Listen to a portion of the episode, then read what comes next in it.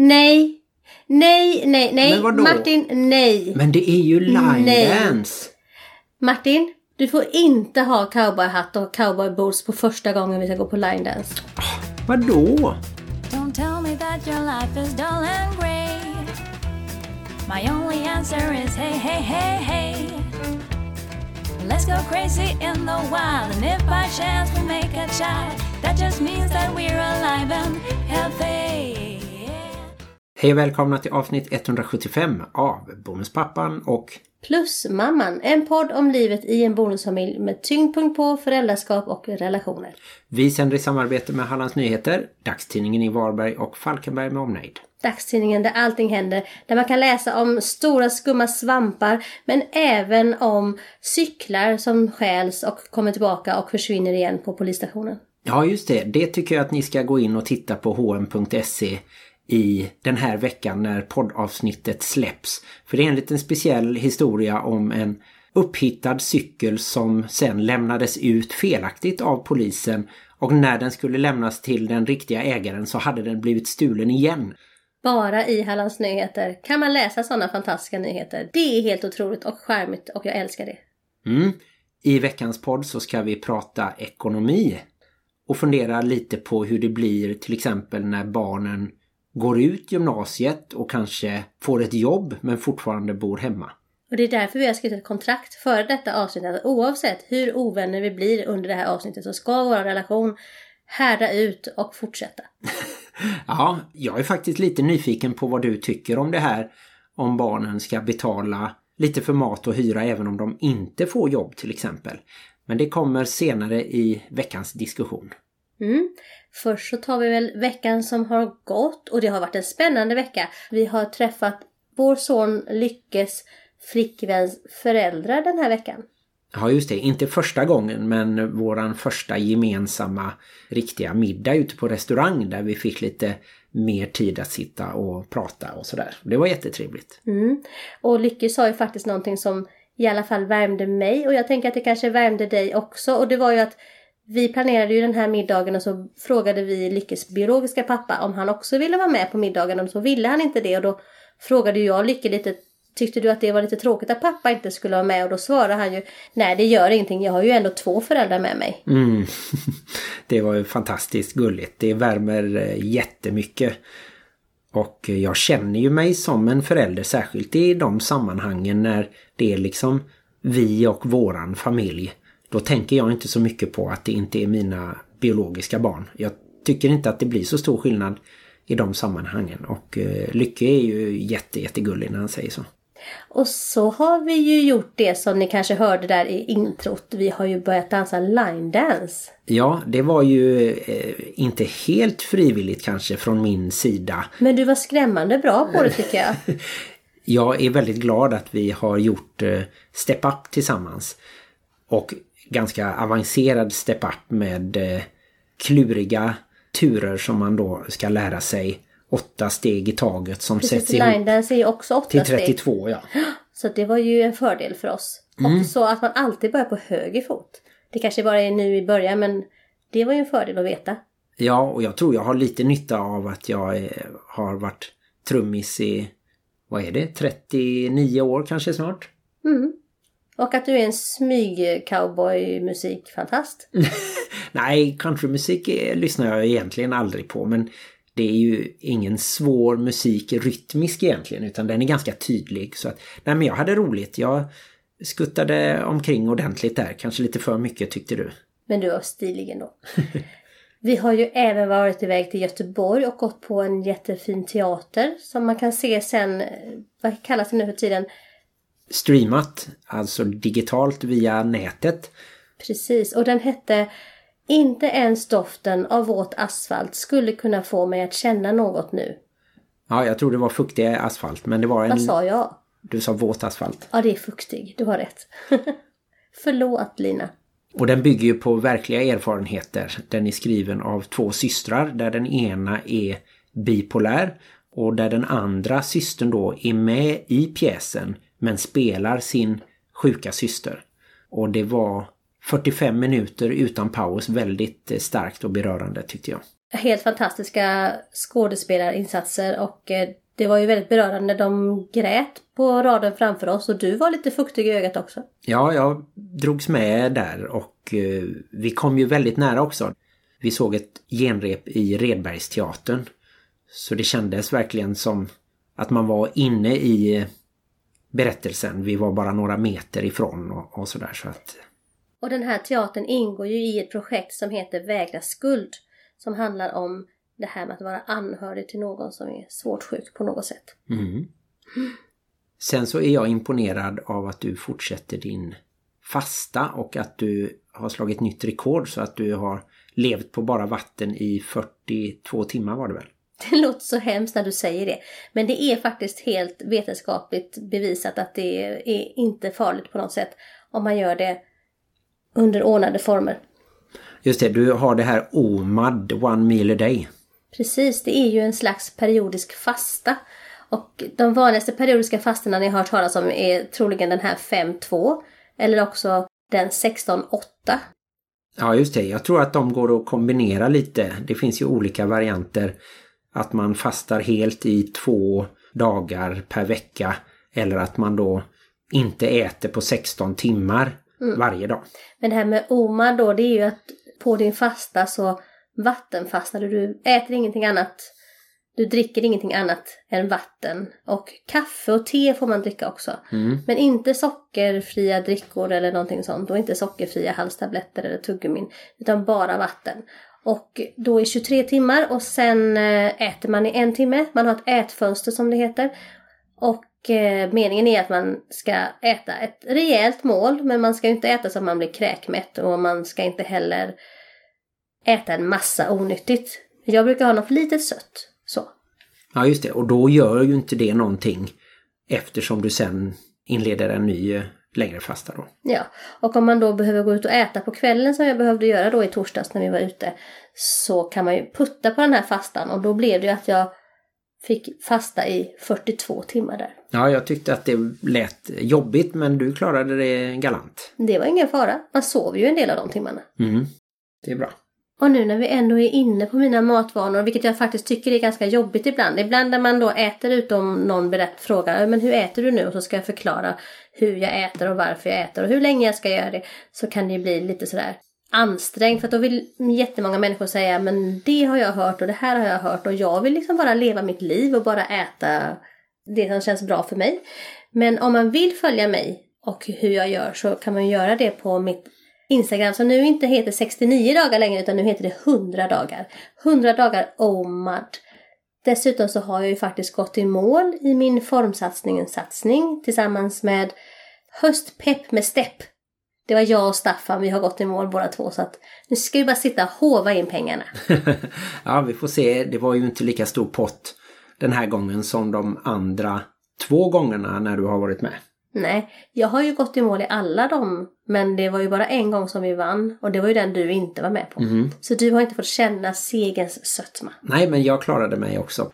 Man ska ju gå ner 4% av sin kroppsvikt på fyra veckor. Men jag tänker att om jag bara fortsätter att vara med och fortsätter att gå ner 4% av min kroppsvikt så kommer jag ju till slut att nå min målvikt. Mm, För jag kan ju inte förlora. Jag kan ju inte då, då, då får jag bara så här som Askungens systrar börja skära bort kött på mig. Ja, just det. Mm. och äta. Och köra LCHF. Kött och fett. Ja, det är det. Äta dig själv menar du? Ja, fast det är ju det som mina celler gör nu. I och med att jag fastar så uppstår någon slags autofagi tror jag det heter. Eller Mm. någonting. Och det är att cellerna äter sig själva. Så på sätt och vis så kannibaliserar jag på mig själv. Väldigt mystiskt. Jag tror inte vi ska gå vidare in i, i det. Det blir väldigt äckligt. Mm. Utan vi går över till veckans diskussion istället som handlar om ekonomi.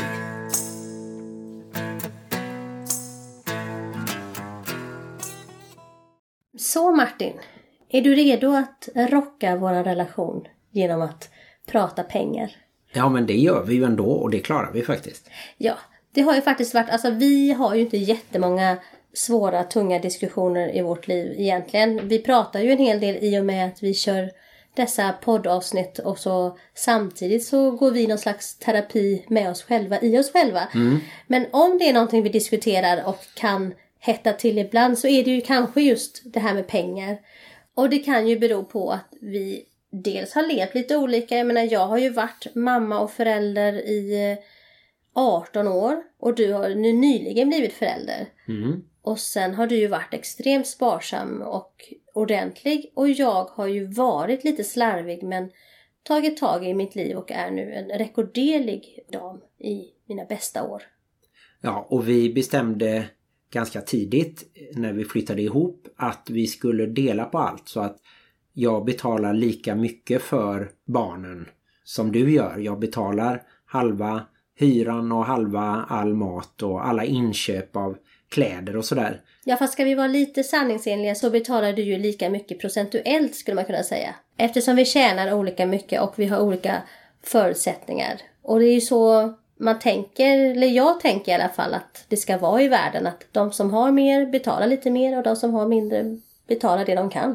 Ja, ja, vi, alltså vi har ju slagit ihop så att våra löner ligger ju i en hög och så tar vi där och betalar. Men jag säger inte att jag inte ska vara med och betala för någonting. Nej, alltså, så att vi har delat Men upp i eller så. början så körde vi faktiskt halva. Vi försökte det att du skulle betala halva. Kommer du ihåg det? När vi hade vår Ernst-burk. Ja, just det. Och då la vi alla kvitton i den här burken och så fick man då tillbaka halva. Men sen så insåg vi att om Martin betalade halva och jag betalade halva det som han betalade, då kunde inte jag hänga med till slut. Nej, utan då blev det att eh, du fick liksom låna pengar av mig. Att, ja, Och så backade vi och så körde vi att vi delar ja. lika från början liksom. Alla efter sin förmåga är väl vårt motto kan man väl säga. Ja, men det tycker jag är en gammal klassiker. Men Är sen- det lite kommunistiskt? Ja, men det finns eh, nog i något, jag vet inte om det är i... Är vi kommunister Martin? Das Kapital är ju en känd bok av eh, Karl Marx och Friedrich Engels. Och det kan ju vara därifrån som de har sagt eh, till var och en efter behov, från var och en efter förmåga. Ja, men jag tycker det är vackert. Jag kanske är lite kommunistisk alltså. Ja, eller socialistisk möjligtvis. Kommunism eh, förknippas ju så mycket med diktaturerna i Östeuropa bland annat. Ja, men jag skulle kunna vara en liten diktator i vår familj. ja. Så att egentligen ska detta inte handla om våran nuvarande ekonomi. Men som sagt, vi delar alltihop och vi får inte jättemycket över när eh, månaden är slut. Men det funkar. Martin har gömt undan i sina gruvor. Ja just det, jag har så att jag kan peta in lite från sparkontot om det behövs. Men vi skulle ju prata lite om hur det är när man då får lite äldre barn. Och det kan ju kännas lite olika då. Dels om man har olika ålder på barnen. Om man själv då kommer in i en bonusfamilj och har väldigt små barn. Och så kanske man träffar någon som har lite äldre barn. Som eventuellt då fortfarande bor hemma pratar vi om också. Mm. Och barn är man ju fram tills man är 18. Det har vi konstaterat förra året när vi gick igenom barnkonventionen.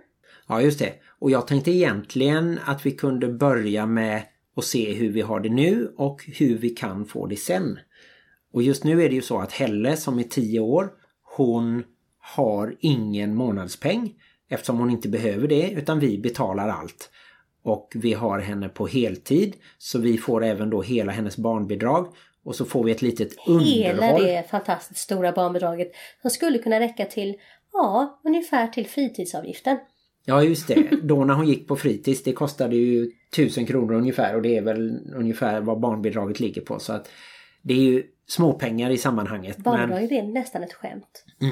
plus att det går lite pengar då för resan. Hon åker ju till sin biologiska pappa i Stockholm en helg i månaden. Och jag tycker faktiskt att det är jättekonstigt att vi ska vara med och betala det. Men så är det faktiskt. Alltså det är så. Mm, det är ju vi- bestämt att man ska hjälpas åt och betala de resorna. Fast lite surt är det och det vet jag att vi har fått brev också från lyssnare som också tycker att det är lite surt att behöva punga ut för att en av föräldrarna fick för sig att flytta väldigt långt bort. Mm. Det är inte vårat val. Nej, men som sagt var vi eh, stöttar ju självklart att hon ska få träffa sin pappa och, eh, och då får man göra det. Ja, Sen kan jag ju nämna här emellan att just våran dotter har ju då inte någon varken månadspeng eller veckopeng. Men det är faktiskt sagt så att det kan vara nyttigt att i tidig ålder lära barnen att de får en liten peng där de kanske ska betala för godis eller ja, någonting. Så det, jag vet inte varför vi inte gör det men det har varit smidigt för oss. Det känns som att Helle har ingen bra uppfattning om pengar ändå. Så att det kan man nog dra ut på ett bra tag om man känner för det. Så har vi gjort det i alla fall. Men jag vet att många som har tioåringar faktiskt ger både veckopeng och månadspeng. Men vi gör inte det. Nej, men det är ju någonting som vi skulle kunna testa när vi känner att Helle är mogen för det. Att hon får en månadspeng och sen kanske den då till exempel ska räcka till godis under fyra lördagar. Och då kan vi ju se om hon klarar det eller om hon köper upp allt första eller andra lördagen. Det skulle jag tycka Ser, vi var får så okej. jättebra idéer när vi sitter här och pratar. Tycker jag var en bra idé. Mm. Och då skulle man kunna gissa att hon köper godis för 25 kronor i veckan. På 1800-talet kanske 30-40 skulle jag säga. Okej? Och så gångrar vi det med fyra och så, ja någonstans där kring 150 kronor i månaden då skulle hon kunna få. Ja, Mm. Och sen är det ju så just nu att vi har tre stycken eh, gymnasieelever, tre tonåringar. En av dem är ju egentligen myndig, men vi kallar ju inte henne kanske vuxen ändå. Hon är fortfarande tonåring och Nej, vi gymnasieelev. ropar inte sådär när de ska komma och äta. Kom nu barn! Och den vuxne! Och de får ju sina studiebidrag och det ska räcka bland annat till kläder och eh, andra inköp som inte är nödvändiga. Vi betalar ju allting som de behöver ha i skolan och vi hjälper ju till med eh, till exempel Skor. ja, och deras träning då om de går och tränar eller dansar eller så. Eller om de måste ha en jacka och det är vinter så kanske vi inte kan låta dem gå utan jacka bara för att de inte har några pengar kvar. Nej, men eh, allt eh, godis och liknande på helgerna plus en hundralapp i månaden Mycket för, tal för om mobilen. godis. Jag tänker att alla där borta sitter och tänker att vad mycket godis de äter i den där familjen. Ja, nej det är inte så mycket. Och som sagt studiebidraget är ju inte jättehögt heller. Det ligger väl på 1250 i månaden då. Men då är frågan, vad händer när de går ur gymnasiet? Vad händer om de får ett jobb? Vad händer om de inte får ett jobb trots att de har försökt? Och vad händer om de inte får ett jobb för att de kanske inte söker tillräckligt många jobb eller anstränger sig utan att de bara då är hemma och eh, sover halva dagarna. Det är lite olika scenarier då som eh, först är ju grundfrågan Ska barn som går ut gymnasiet vara med och betala lite för mat och hyra? Var det frågan till mig nu då? Ja, Okej. Jag tänker igen då alla efter behov och vad det nu var vi kom fram till. Har de inget jobb så kan man ju inte kräva att de ska betala heller. Då har de inte heller längre något studiebidrag. Då skulle de ju kanske kunna gå till socialen och ansöka om något slags bidrag och även bostadsbidrag tänker jag.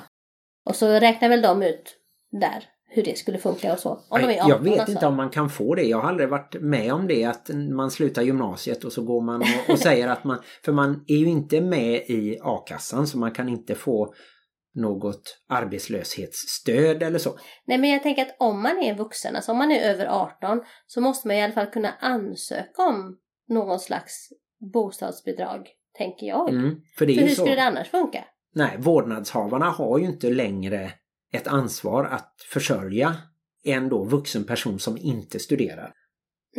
Så då ponerar vi att de inte läser vidare då alltså i det här scenariot? Ja, vi kan ju säga så att ett barn läser vidare, ett barn jobbar och ett barn är hemma. Okej.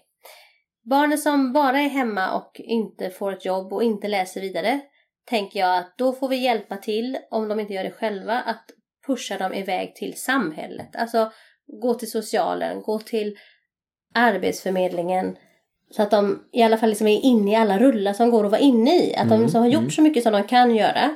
Och sen så får vi ju se hur mycket har de då att röra sig med. Får de då något bidrag som ska gå till hyra och mat, då, då kommer vi att säga att då får de betala. Mm. Men får de inga pengar så har de inga pengar. Och vi kan ju inte säga att ah, men ni ska vara skyldiga oss pengar i all evighet. Utan har de gjort så gott de har kunnat, alltså sökt jobb, skrivit in sig på Arbetsförmedlingen, skrivit in sig på liksom allting som går att söka, då kommer jag att ge dem mat. Mm. Och även husrum. Ja, Kan, nej, jag ger dem mat ute på altanen kan man då kräva till exempel att de jobbar hemma istället så att den som inte har ett jobb där de får pengar kan göra jobb hemma som kostar oss tid och därmed pengar. Ja, ja, men absolut. Det gör de ju nu också. Alltså, Vi hade ju ett av barnen hade ju inget sommarjobb, två av barnen hade sommarjobb, eller ett barn hade heltidssommarjobb, ett barn hade halvtidssommarjobb och ett barn hade inget sommarjobb. Och de är ju inte riktigt lika gamla men de är ju nästan lika gamla så vi drar lite ihop dem.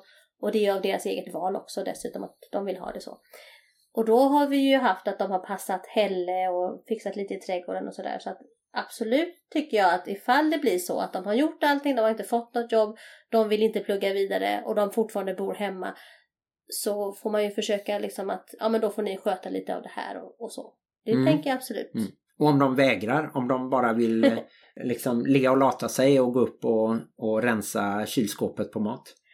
Ja, alltså om det i det här scenariot ska vara så att nej vi vägrar, jag har svårt att tänka att de skulle vägra och göra någonting överhuvudtaget. Men om vi låtsas att det skulle vara så så skulle man ju få Nej men då skulle man ju få ta den diskussionen och så sen betalar man ju liksom ingenting annat. Alltså om de visar sig vilja och visar att de försöker då kan man ju vara schysst att ja men de har hittat någon klädesplagg på second hand eller någonting och vill, då kan man ju vara schysst och betala det och säga ja men då passar du Helle eller ja kanske Helle har blivit för stor då men du eh, klipper gräsmattan eller någonting.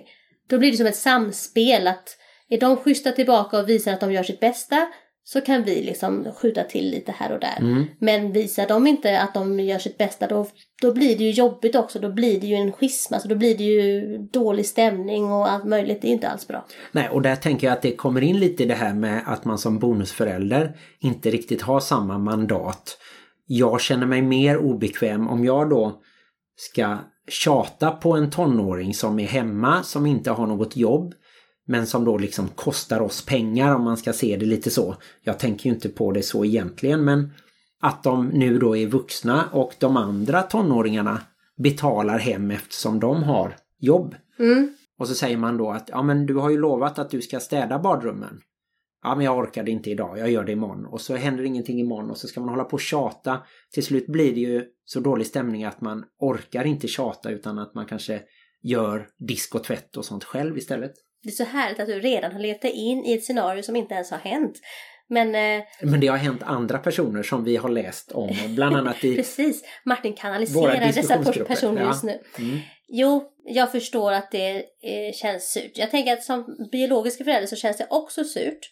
Och så samtidigt så tror jag att man lider ju med sina barn. Man vill ju att de ska komma ut i världen och klara sig och, och få leva ett liv. Det är ju inget liv att leva hemma hos sina föräldrar hur länge som helst. Alltså det är inte kul för någon egentligen. Så när det har blivit så, då är det någonting som inte riktigt står riktigt rätt till. Mm. Om de, vi nu pratar att de skulle vara liksom 24-25 och fortfarande inte har något jobb och fortfarande bo hemma och inte ens försöker. Då förstår jag att det är en jobbig situation för hela familjen. Både för den biologiska som kanske har faktiskt lite mer moders och faderskänslor någonstans här. Som liksom verkligen så här blöder för sina barn men samtidigt tycker att det här är en ohållbar situation. Och då kanske en bonusförälder ser det lite mer, ännu mer nyktert. Liksom så här kan vi inte ha det. Det förstår jag att det kan bli så. Mm. Och att det blir då väldigt frustrerande för en bonusförälder som då kanske inte, som du säger, har samma mandat att tjata och säga till. Men då tycker jag ändå att, som i alla andra diskussioner vi har haft, att då får man kanske prata de vuxna emellan. Så att de vuxna i alla fall är absolut på samma sida. Och sen hålla enad front mot då det här barnet som då inte längre är ett barn utan som är en vuxen. Och då kanske man inte ens behöver vara så där försiktig som man ska vara. Vi har ju sagt det innan att ska man ha sådana diskussioner så kan man, man kan passa på när barnet inte är hemma. Mm. Men när de är vuxna så kan man ju faktiskt vara tydlig med att vi tycker nog inte att det här är riktigt bra för dig. Men försöka i alla fall att vara enade även då. Ja, just det. Och sen är det ju lite speciellt då med barn som har två hem. Just nu bor de varannan vecka, även om de inte håller det exakt och det gör ingenting för oss. Men hur blir det då när de är 2021? Ska de fortsätta varannan vecka? Ska de då betala lite hemma hos båda föräldrarna men kanske då betala för en halv hyra? Vi har inte så dyr hyra, den ligger på 7000 och vi är sex personer. Man kan avrunda det till 1000 kronor i månaden för barnen då. Men om de bara är halva tiden så blir det ju 500 kronor då. Ja men så får man ju tänka. Man får ju tänka hur mycket är de här? Och hur mycket kan vara skäligt för dem att betala? Hur mycket får de in? Tänker Mm. jag hela tiden. Det handlar ju om det också. Och jag kan ju inte riktigt se att man skulle bo i någon slags varannan vecka-liv när man blir så gammal. Men, eh, och då kan man ju inte heller räkna med att vi ska säga till den andra föräldern att nu får du skicka hit lite pengar. För den andra föräldern är ju inte heller längre underhållsskyldig. Nej just det och då blir ju det spännande om man har lite olika regler. Om en familj håller hårt på det här att alla ska faktiskt bidra. Man kan inte förvänta sig att man bor gratis och samtidigt drar in 15 000 efter skatt. Vad händer då om den ena föräldern kanske Men vänta, har... vi var ju på att de inte drog in några pengar. Just nu var ju på det scenariot där de inte hade några pengar. Ja just det, men oavsett om bara den ena familjen då tycker att man ska hjälpa till att bidra antingen med pengar eller med att till exempel städa och diska och sådär. Men hos den andra föräldern så behöver man inte göra det. Men det är samma sak där. Vi kan inte säga hur de andra ska göra. Det går aldrig att berätta för sitt ex hur hen ska sköta sitt liv. Så att vi kan ju bara sätta reglerna i vårt hem och väljer barnet då att nej, då vill inte jag träffa er för att ni är elaka och taskiga och väljer att bo hos den andra. Då tänker jag okej, okay, fine. Jag tror att det kommer att visa sig i framtiden att det ändå var bra att man satte någon slags krav på dem. Ja, eller som jag tänker tvärtom då lite att barnen kanske vill bo hos oss för att vi inte ställer så höga krav. Vi kanske låter dem bo här gratis lite längre eller att de inte måste hjälpa till lika mycket hemma. Och då bor de gärna hos oss. Men jag har ju sagt nu att jag skulle göra det. Jo men det tror jag också kanske lönar sig i längden även om det då kanske blir dyrare för oss så får vi ju ha barnen mer. Jaha, och jag, jag tänker att man ska se det som positivt att barnen faktiskt vill bo hos oss. Jag känner att jag har fastnat i en politisk debatt där det inte spelar någon roll vad jag säger utan det blir fel ändå. det som jag funderade på var där du nämnde 24-25 år. När jag växte upp så hade vi både på lite skoj och allvar, jag och min brorsa från våra föräldrar då att eh, bor ni kvar tills ni är 25 då sparkar vi ut det. För det är liksom inte nyttigt att bo kvar hemma så länge. Men det är ju ungefär så vi tänker. Alltså, jag tror inte att det är nyttigt att bo kvar längre hos sina föräldrar än alltså, ungefär den åldern. Och jag tror att det kommer att sköta sig liksom automatiskt. Jag tror inte att en 25-åring vill bo kvar hemma hos sina föräldrar längre än så. Nej, det tror inte jag heller. Men det, Speciellt som att vi har ju inget jättestort hus till exempel. Det är ju ganska trångt här. Och nej, alltså jag tror att det löser sig. Ungefär som det här med nappar och barn som sover i sängen. Jag tror det löser sig. mm. Och jag tror också det, men jag tror också att det är ganska skönt för det är ju i princip som ett hotell. Att man kan komma hit och ha det ganska skönt och ombonat och man får det mesta serverat. Just nu är det faktiskt så. Så jag förstår att just barnen nu är vill de ha ju det. barn. Ja. Förutom en som är vuxen. Jag minns ju också att när jag började jobba så betalade jag 2000 kronor i månaden hem då. Och jag kanske tjänade 12 000 före skatt någonting så att jag fick ut 8 000 kanske. Mm. Nej men det tycker jag är skäligt att när de har fått inkomst, oavsett hur de inkomsterna ser ut, så kan man ju titta på hur mycket tjänar de och så komma fram till en, en summa som de kan betala hemma och det kan man ju faktiskt göra tillsammans med barnet. Säga att, så här mycket kostar du. Det finns ju liksom, allting finns på nätet, hur mycket ett barn eller en vuxen kostar.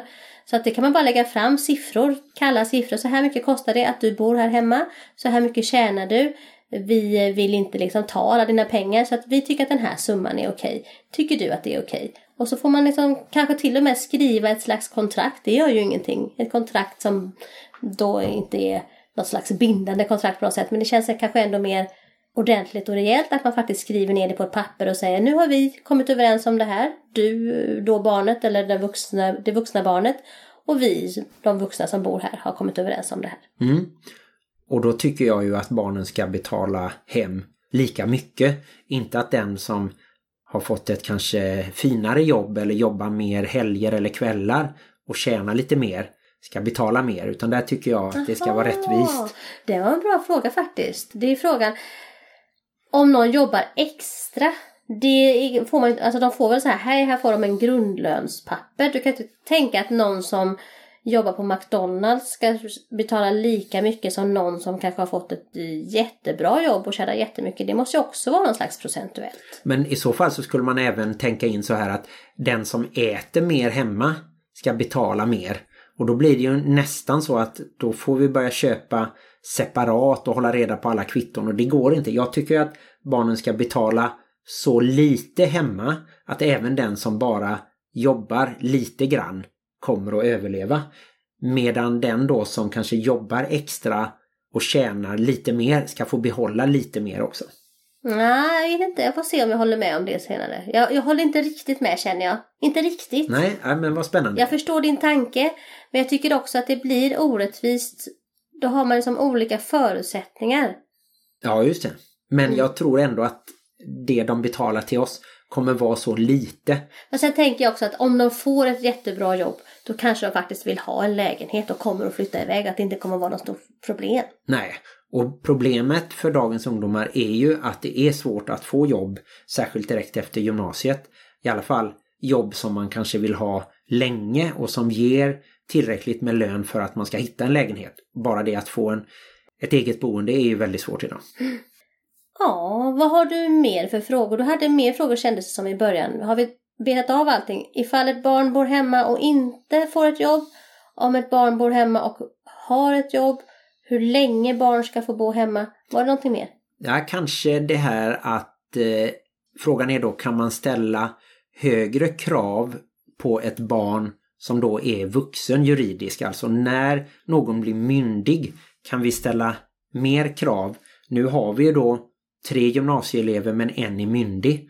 Men det känns som att vi inte ställer högre krav på det äldsta barnet så att säga. Jo, men lite. Vi ställer kravet att hon ska laga mat till Helle när hon passar Helle. Det gjorde vi inte med Lycke. Alltså, Nej, han lagade inte mat till Helle. nej men det hade han ju kunnat. Nu är det så att i vårt fall så är ju våra barn väldigt lika gamla. De är 16, 17, 18. Och det har ju varit så hela deras liv att de har lite följts åt. Och vi har ju faktiskt frågat Saga, som när Saga fick sitt ID-kort till exempel, så fick ju även hennes yngre syskon det samtidigt. Men hon har ju tyckt att det var okej. Ja. Samma som det här med att när Saga började få sin månadspeng själv så fick även hennes yngre syskon det samtidigt. Och då frågade vi också Saga, tycker du det är okej? Så att det är hon som har fått styra att är det okej att dina då ett år och två år yngre syskon får det samtidigt som du så att du inte känner att varför ska de få det? Det hade inte jag när de var små. Och det har ju hon inte haft något problem med. Och därför så tänker jag att det är ju utifrån barnen hur man gör med olika saker och ting. Och de är ju väldigt lika fast olika. Alltså de är ju ungefär i samma ålder. Sen har de olika personlighet och olika saker som de är bra på och olika utmaningar. Mm. Och det var alltså studiebidraget som de fick samtidigt, ungefär, inte månadspengen, men de får ju studiebidraget en gång i månaden och får hantera det själva. Mm, precis, och då tänker jag att de här kraven kommer vi kanske också att ha ungefär samtidigt och jag tror att det kommer vara ganska okej för dem. Man får ju fråga, tycker ni att det är okej? Och så, men jag tänker att det blir nog så. Ja, och tycker du då att även de som betalar hemma ska ta del i liksom de här sysslorna som alltid finns? Det här med att diska och tvätta och städa och så. Eller räcker det då att ja, men jag betalar 2-3 tusen och sen så kan jag få middagen serverad eh, varje dag? Jaha, nej men jag ser ju fram emot att ju äldre de blir så kommer det kanske vara så att de lagar mat ibland. För att, jag menar Saga lagar ju mat ifall jag ber henne. Ja, Och mycket har ju varit ibland att jag tycker att det går snabbare och enklare när jag gör det. Så att det är inte bara så att våra barn är helt lata som det verkar som att Martin försöker komma fram till här. Men det har ju också varit att jag har haft köket som min domän och att jag tycker att nej men jag sköter det snabbare. Mm. Men absolut att de kan få hjälpa till lite mer hemma. Sen är det väl alltid liksom, om jag hade tyckt att det hade varit så förfärligt aptråkigt och liksom bara kräkts över det, så är det liksom lite upp till mig att be om hjälp eller säga att nu delar vi på det här. Så det är väl det, att jag Mm. inte gör det helt enkelt. Och det tror jag var eh, sista ekonomiska frågan. Var det en ekonomisk fråga? Det känns som vi var inne på hushållssysslor igen. Ja, men jag tycker det hänger ihop lite. Ja, men då är det väl kanske slut då. Det blir ju slut förr eller senare. det blir slut. Det är slut nu Martin! Nej! Nej, jag bara skojar.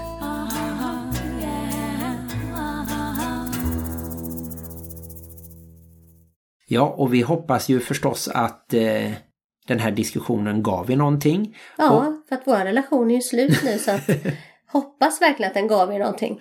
Det här var det sista avsnittet av podden för alltid.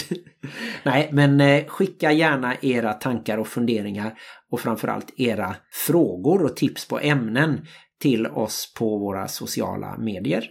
Gå gärna med i Bonusfamiljernas diskussionsgrupp på Facebook och eh, skicka gärna mail till oss på bonuspappan.plusmamman gmail.com Som sagt den längsta e-mailadressen i världshistorien men väldigt logisk. Och på Instagram heter vi just bonuspappan.plusmamman. Och på Facebook har vi en sida som heter Bonuspappan och Plusmamman. Lite klurigt att komma ihåg men eh, ni hittar oss lätt om ni söker. Och på skumma sidor så heter vi Bonuspappans pung. Det där kommer jag nog klippa bort tror jag. Va? Vad taskigt. Jag tänker alltid när du säger bonuspappan punkt plusmamman att det låter som du säger bonuspappans pung. Jaha. Nej, det tänker inte jag på. Nej, jag tänker alltid på bonuspappans pung. ja, jag har förstått det. Hans penningpung. Alltså. Ja, ja, just det. Vi kan också avsluta med att tipsa om att alla våra tidiga avsnitt av podden finns på Castbox. C-A-S-T-B-O-X Castbox är både en app och en sajt. Och där närmar vi oss 200 avsnitt. Precis, om ni har någon vecka över eller så i ert liv så kan ni ju bara sträcklyssna. Mm. På iTunes och eh, Acast och Spotify bland annat så är ju det de 150 senaste avsnitten. Det är ganska mastigt det med, att lyssna på 150 avsnitt. Ja, men det kan ju vara någon som har hängt i och, och lyssnat på allt men kanske missade de första 20 eller så. Då kan eller man gå tillbaka. längtar efter hur det var då, innan vårt äktenskap krisade i och med en ekonomisk diskussion. Ja, precis. Och nu längtar jag efter kanelbullar för det är kanelbullens dag. Jaha, du får väl baka dig några då. Ja. Glöm inte att livet i bonusfamiljen kan vara besvärligt. Vad händer om jag vägrar säga det sista på catchphrasen? Då säger jag det, men också härligt! Hej då! Hej då! Hej då!